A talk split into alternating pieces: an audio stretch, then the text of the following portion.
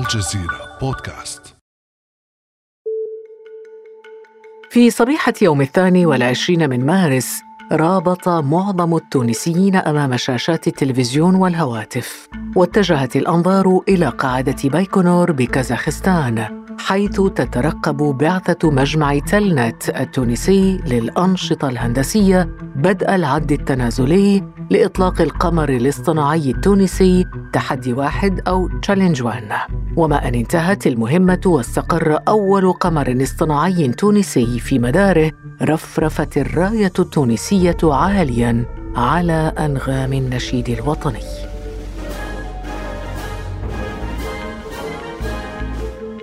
أصبحت تونس أول بلد في منطقة المغرب العربي يطلق قمرا اصطناعيا محلي الصنع بالكامل ومخصص لشبكة إنترنت الأشياء.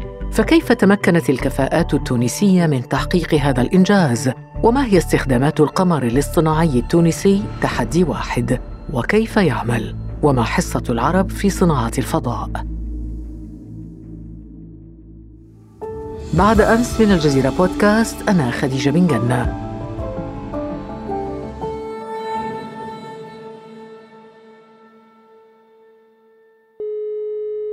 وينضم إلينا في حلقة اليوم المهندس التونسي أنيس يوسف المسؤول عن مشروع القمر الاصطناعي التونسي تحدي واحد ومدير التجديد بمجمع تلنت. صباح الخير أستاذ أنيس. صباح النور وصباح الخير وشكرا على الاستضافة. مهندس أنيس نبارك أولا لتونس والعرب هذا الإنجاز والحمد لله على سلامتك بعد العودة من كازاخستان. وقد شهدت أنت بنفسك لحظة إقلاع صاروخ سويوز الروسي الذي نقل القمر الاصطناعي التونسي. تحدي واحد.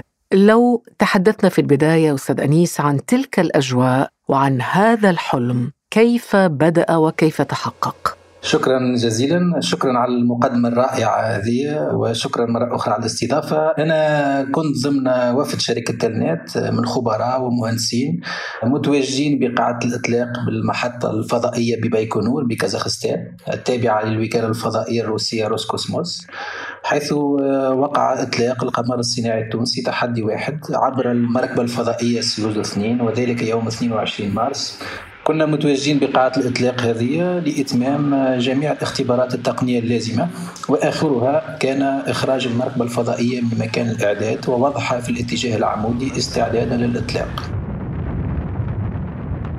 هو أول قمر صناعي عربي مصنع من شركة خاصة بإمكانيات محلية 100% بفضل مهندسين وخبراء تونسيين اجتهدوا وعملوا لسنوات من أجل إنجاز أول مشروع تونس في مجال الفضاء. أستاذ أنيس هل هو مشروع تونسي بحت يعني بقدرات وبكفاءات وبوسائل وأدوات تونسية كاملة؟ بالفعل. هو هذا الخاصية متاع القمر الصناعي التونسي تحدي واحد. هو نجم نقول عنده ثلاثة خاصيات. الخاصية الأولى هو أنه يعني بخبرات تونسية 100% كيف بدأ أستاذ أنيس هذا المشروع؟ يعني كيف فكرتم في إطلاق هذا القمر الاصطناعي من تونس بأدوات تونسية بكفاءات تونسية؟ احكي لنا قصة القمر الاصطناعي التونسي هذا تحدي واحد. هو شركة تلنت هي شركة خاصة تونسية تخدم يعني في ميدان صناعة البرمجيات والأنظمة الإلكترونية والميكانيكية يعني منذ سنة 94 تشغل يعني قرابة ألف مهندس تونسي يعني وتقدم خدمات لإفادة عدة شركات عالمية وعندنا يعني فروع في عديد بلدان العالم. يعني ثم خبرات في ميدان التكنولوجيات الحديثة وفي ميدان البرمجيات والأنظمة الإلكترونية. وقت اللي في سنة 2016 قدمنا مع مشروع QATS اللي هو ال Quick Access to Space بدينا نصنعوا في أجزاء من القمر الصناعي. Quick Access to Space كان مع الشريك Safran Airbus Safran Launchers اللي اختاروا من إفريقيا بلد تونس ومن تونس اختاروا شركه Telnet بحكم يعني علاقتنا مع Safran وبحكم أيضا الثقة في إمكانيات مهندسي Telnet والمشروع هذا كان تابع للشركة Safran اللي هي شركة خاصة حكومية تابعة لمجمع يعني أوروبي لإرسال مركبات الفضاء إلى الفضاء. أستاذ أنيس لماذا تأخر المشروع؟ هو المشروع تأخر لأنه يعني صناعة صناعه المركبه الفضائية Ariane six وقع التأخير بتاعها وفي أفريل 2018 يعني أعلمنا الشريك أنه يعني سيقع تأخير في المشروع. وإحنا في أفريل 2018 قبلنا التحدي وقلنا نكملوا وحدنا ونعملوا على طاقاتنا ونكملوا صناعة القمر الصناعي التونسي تحدي واحد بخبرات تونسية 100% وفي يعني التحدي هذا وقع يعني المراهن عليه في أفريل 2018 ويعني سنة من بعد في أفريل 2019 وقع إمضاء يعني اتفاقية الإطلاق مع الوكالة الفضائية الروسية روسكوسموس اللي تحولوا لتونس ووقع الإمضاء الاتفاقية معهم لايضا يعني ثقتهم أنه ثم إمكانية نتاع تونس أن تصنع القمر الصناعي لأنه المركبة الفضائية باش تقبل أن تهز على متنها يعني قمر صناعي يلزم يكون مستوفى لجميع الشروط والخاصيات والتجارب كلها تكون ناجحة. أستاذ أنيس إذا ما هي استخدامات القمر الصناعي التونسي وما الذي يميزه عن باقي الأقمار الصناعية برأيك؟ نعم. الفكرة كما قلت أنه هذا المشروع تم إنجازه من طرف مهندسي مجمع تلنات فريق العمل بالمجمع هذا قام بتأطير فريق المهندسين اللي هم الشباب هذه يعني حاجة إحنا نفتخروا بها أنه يعني معدل الأعمار ما بين 25 و 30 سنة لفريق العمل هذا اللي يضم 20 مهندس. قدمنا لهم يعني فريق العمل السند وهم يعني صراحة أبدعوا في تصميم وصناعة أول قمر صناعي تونسي بخبرات تونسية 100% وتحدوا كل الصعاب. وأثبتوا يعني أنه قيمة قيمه الكفاءات التونسية لما نعطيها الفرصة ان قادره ان تتحقق الأحلام هذه ونتوجه لهم بالشكر. يعني أكيد إنه إطلاق هذا القمر الصناعي تشالنج وان حلم كبير بالنسبة لتونس والتونسيين، لكن ماذا يحقق على أرض الواقع؟ ما هي الاستخدامات التي يمكن أن يستخدم في هذا القمر الصناعي بالنسبة لتونس أو ما الذي يميزه أيضا عن باقي الأقمار الصناعية أستاذ أنيس؟ هو هذا القمر الصناعي هو مختص في إنترنت الأشياء تو نفسر المجال هذا وهو سيشغل لأول مرة في العالم تقنية اتصال جديدة. تم تطويرها في Telnet عبر بروتوكول آه، LoRa. هو قمر صناعي من الجيل الجديد والسوق العالمية هي حوالي حاليا في حوالي 500 مليون دولار وستصبح في السنتين القادمتين حوالي تريليون ونصف التريليون من الدولارات في صناعة الأقمار الصناعية من الجيل الجديد. الحاجة اللي نحب نأكد عليها إنه إحنا يعني تونس والعرب يعني نتصور ان عدينا على نفسنا يعني الفرصة إن نكونوا حاضرين في الثورة الرقمية للجيل الثالث اللي هي الهواتف الجوالة والذكاء الاصطناعي في مراحله الأولى وتوا إحنا اليوم في الثورة الرقمية الرابعة اللي هي شنو تتمثل الثورة هذه في إنه العالم يكون متصل ومرتبط بالكامل لخدمة مصالح سكان الأرض ولحل مشاكل الأرض. الاتصال هذا نتاع العالم الكامل ما يكون كان عبر الفضاء اللي هو يكون أنجع وسيلة للقيام بذلك. لكن ما المقصود بإنترنت الأشياء أستاذ أنيس؟ إنترنت الأشياء هي حاليا يعني موجودة في الاتصالات الأرضية وموجودة في المدن الذكية.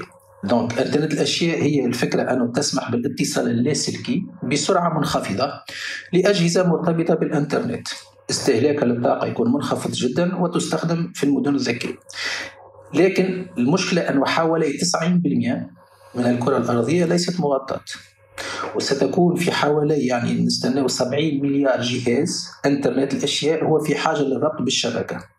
و70 مليار جهاز إنترنت هذوما يكونوا موجودين في 90% من الكرة الأرضية. هما ليس لهم تغطية نتاع شبكة إنترنت.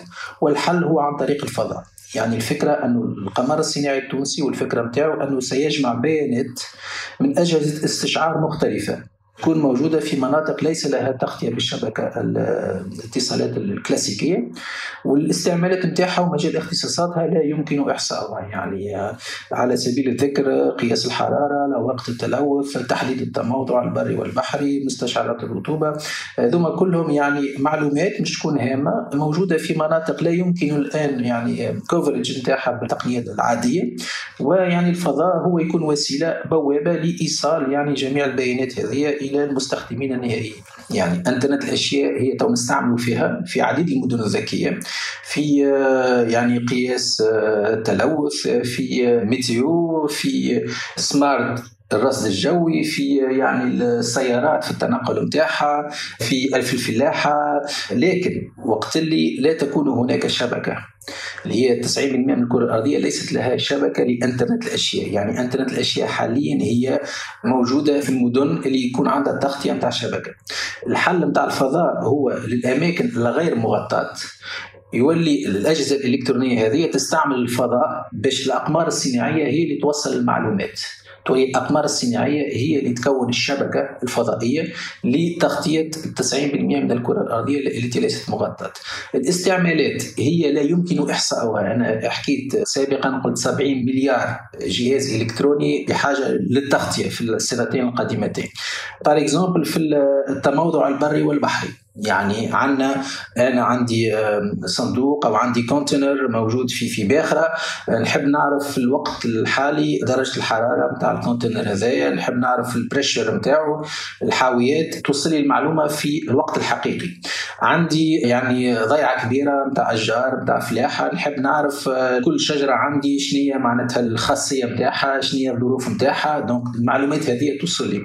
الأجهزة الإلكترونية هذوما اللي نحكيو عليهم هم أجهزة عندهم يعني يعني يستعملوا استهلاك للطاقة يكون منخفض جدا وينجموا يعيشوا 15 20 سنة. يعني آه، لو نشري جهاز نحطه موجود في مكان ليس له تغطية للشبكة donc يستعمل energy low energy ويبعث المعلومة نتاعو للقمر الصناعي تنجم تكون أيضا في التموضع البحري تنجم تكون في مستشعرات الرطوبة تنجم تكون في ال security لحماية من الكوارث الطبيعية لو تقع والحمايه من الفيضانات في ال supervision في الاستخدامات. علاش قلت لك أنا يمكن إحصاؤها؟ لأنه يعني الاستعمالات يعني متعددة جدا.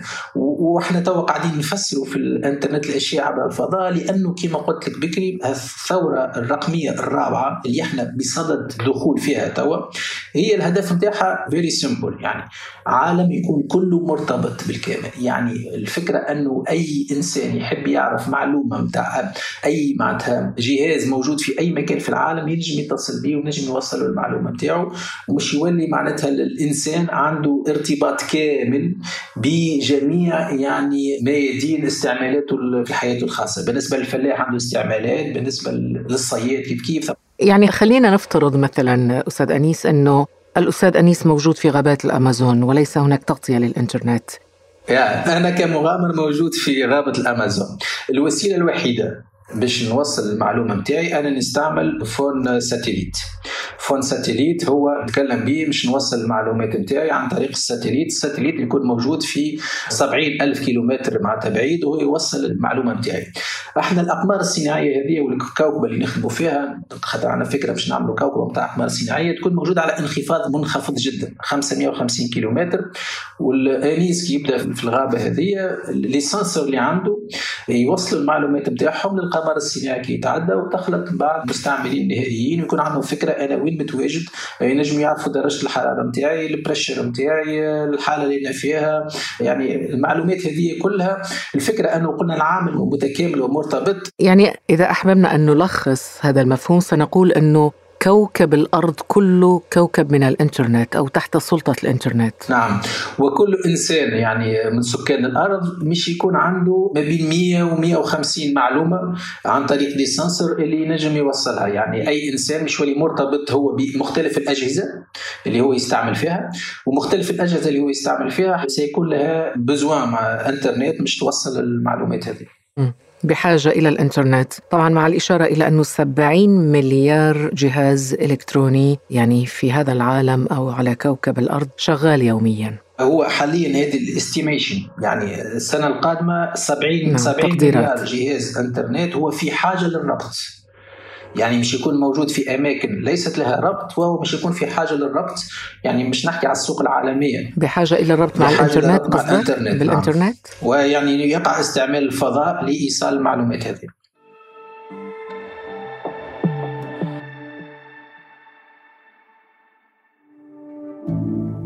ابقى على تواصل مستمر مع الجزيرة بودكاست ولا تنسى تفعيل زر الاشتراك الموجود في تطبيقك. لتصلك الحلقات يوميا.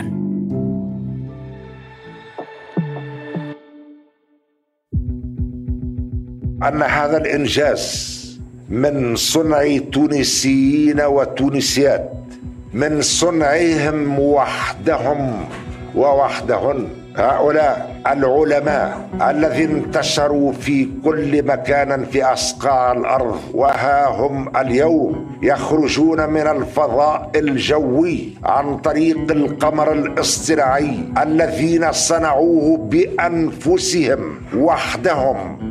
كان هذا الرئيس التونسي قيس سعيد متحدثا من مقر الشركة المصنعة للقمر الاصطناعي التونسي بعد لحظات من الإطلاق. دعني أستاذ أنيس أبدأ معك. هنا من حيث انتهى الرئيس التونسي قيس سعيد. العلماء الذين انتشروا في جميع أصقاع الأرض هم من يصنع هذا الإنجاز. إلى أي حد يمكن لتوطين التكنولوجيا أن يصنع هجرة عكسية ربما للعقول العربية؟ بالفعل. أنا فكرتي أنه يلزم إعطاء الفرصة للشباب يلزم الشباب يشتغلوا في التكنولوجيا.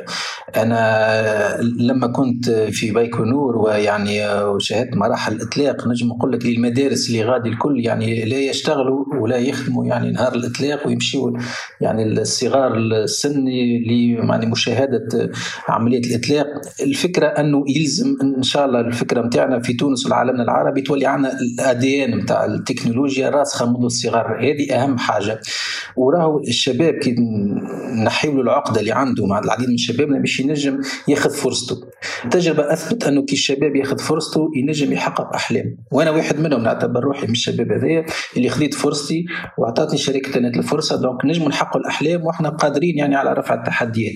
لكن هل يمكن للعلماء العرب في المهجر أن يفكروا ربما في الرجوع للاستثمار فيما استثمرتم فيه أنتم في تونس؟ بالفعل. إحنا نعتبر ان هذه يعني تجربة ناجحة. خطوة أولى. نعتبر أنه فتحنا يعني بالباب. ولا مهدنا الطريق أمام التألق في ميادين التكنولوجيا الفضاء هذه.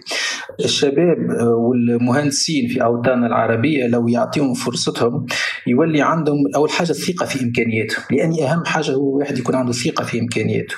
ويولي يشعروا أيضا بالفخر ويشعروا أيضا بالعزة وحب الانتماء للبلدان. وهذه رأي شعور. إحنا أنا ممكن نحكي لك فيه لأني حسيته جاليا كي كنت غادي موجود وحسيت أنه الحلم تحقق. يعني ليكيب كلها يعني كما نقولوا شخص شخص واحد وفي اتجاه واحد. والشعور هذا يخلي أنه المهندس والإطار والكفاءة تقعد في أوطاننا العربية.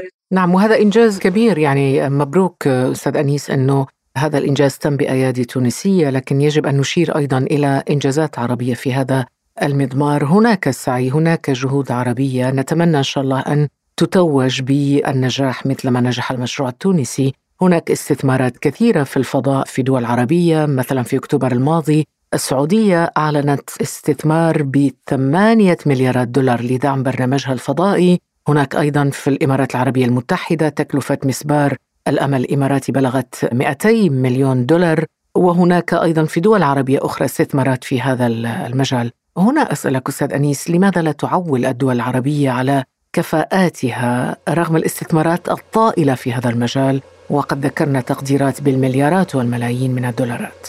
كما قلت لك يعني سابقا الفكرة هو الثقة في القدرات. الثقة في القدرات ويعني الأخوة في السعودية وفي الإمارات يعني عندنا اتصالات بهم ويعني نعرفوهم شخصيا يعني اللي يخدموا على المشاريع هذوما. ونحبوا يعني نعملوا إحنا تو الفكرة نتاعنا نعملوا مشروع موحد يعني نصبوا مع الشراكة مع الدول العربية. إطلاق كوكب من الأقمار الصناعية من الجيل الجديد. الحاجة الهامة جدا نأكد عليها اللي إحنا توا حاليا في بداية الثورة الرقمية الرابعة هذه. وخدمات الانترنت عبر الفضاء هي سوق كبيرة. يلزمنا البلدان العربية نتحدوا مع بعضنا ويعني ونقوموا بمشروع يعني موحد لحاجتين مشروع عربي. مشروع عربي موحد. جميل جدا أن يكون هناك مشروع عربي موحد نتمنى ذلك. لكن دعني أسألك أنيس عن دور القطاع الخاص في تطوير البحث العلمي في مجال صناعة الفضاء. هل له دور؟ عالم الفضاء تبدل. إحنا توا نحكيو على سبيس 4.0 العالم الفضاء الجديد هذايا يعني صناعة الأقمار الصناعية لم يعد حكرا على دول أو على منظمات دولية بل يعني شركات خاصة. بإمكانها الآن صناعة اقمار صناعيه وإمضاء اتفاقيات مع وكالات فضاء بطريقة مباشرة. كما يعني فعلنا في شركة النت. الأقمار الصناعية تبدلت توا. يعني نحكيو على أقمار صناعية من الجيل الجديد. أه وبالتالي يعني القطاع الخاص حاليا عنده الإمكانيات ومتاح له الفرصة أنه بإمكانياته الذاتية بإمكانه أنه يصمم ينجز ويعني يبعث قمر صناعي بدون الحاجة إلى الدولة اللي هو موجود فيها وهذه الحاجة الجديدة اللي تخلي يعني مشروع هذايا وصناعة الأقمار الصناعية بصفة عامة يولي يعني سوق عالمية مفتوحة إلى مختلف الشركات الخاصة مهندس أنيس الآن بعد نجاح هذا المشروع وبعد أن تحقق الحلم ما هي الخطوات القادمة لمجمع تلنت؟ إحنا مجمع تلنت نطمح عن طريق هذا المشروع لتكون إن شاء الله تونس قطب في تكنولوجيا الفضاء في إفريقيا. وأن تكون يعني في تونس مركز لتكوين طاقات إفريقية أيضا مساعدة بلدان افريقيه أخرى على تصميم أقمارها الصناعية. نصب مع الشراكة مع دول عربية لإطلاق كوكبة من الأقمار الصناعية من الجيل الجديد في مجتمعاتنا الإفريقية والعربية لخدمات الإنترنت الأشياء. ونسعى أيضا مع الدولة التونسية لتكوين الشباب في تكنولوجيا الفضاء عن طريق تركيز مدرسة مختصة. في علوم الفضاء وفي اختصاصات الأقمار الصناعية والمركبات الفضائية. نحب نقول زاد اللي أحنا مقترح رئيس الجمهورية قيس سعيد وقع إبلاغه إلى السلطات الروسية ارسال رائدة فضاء تونسية. وقع الترحيب بهذا المقترح من الجانب الروسي. وتم الاتفاق معهم على إرسال مجموعة من الترشيحات والسيرات الذاتية لشابات تونسيات إلى وكاله الفضاء الروسية. في حال توفر الشروط في إحدى المرشحات سيتم يعني ننطلق في مراحل التكوين والتدريب والتأهيل لإرسال أول رائدة فضاء تونسية إلى محطة الفضاء الدولية. وتلنت أيضا تسعى بالتعاون مع بلدان إفريقية ربما في السنوات الثلاث المقبلة إلى إطلاق سرب يضم أكثر من 20 قمر اصطناعي لاستغلال هذه التكنولوجيا تجاريا. بالفعل.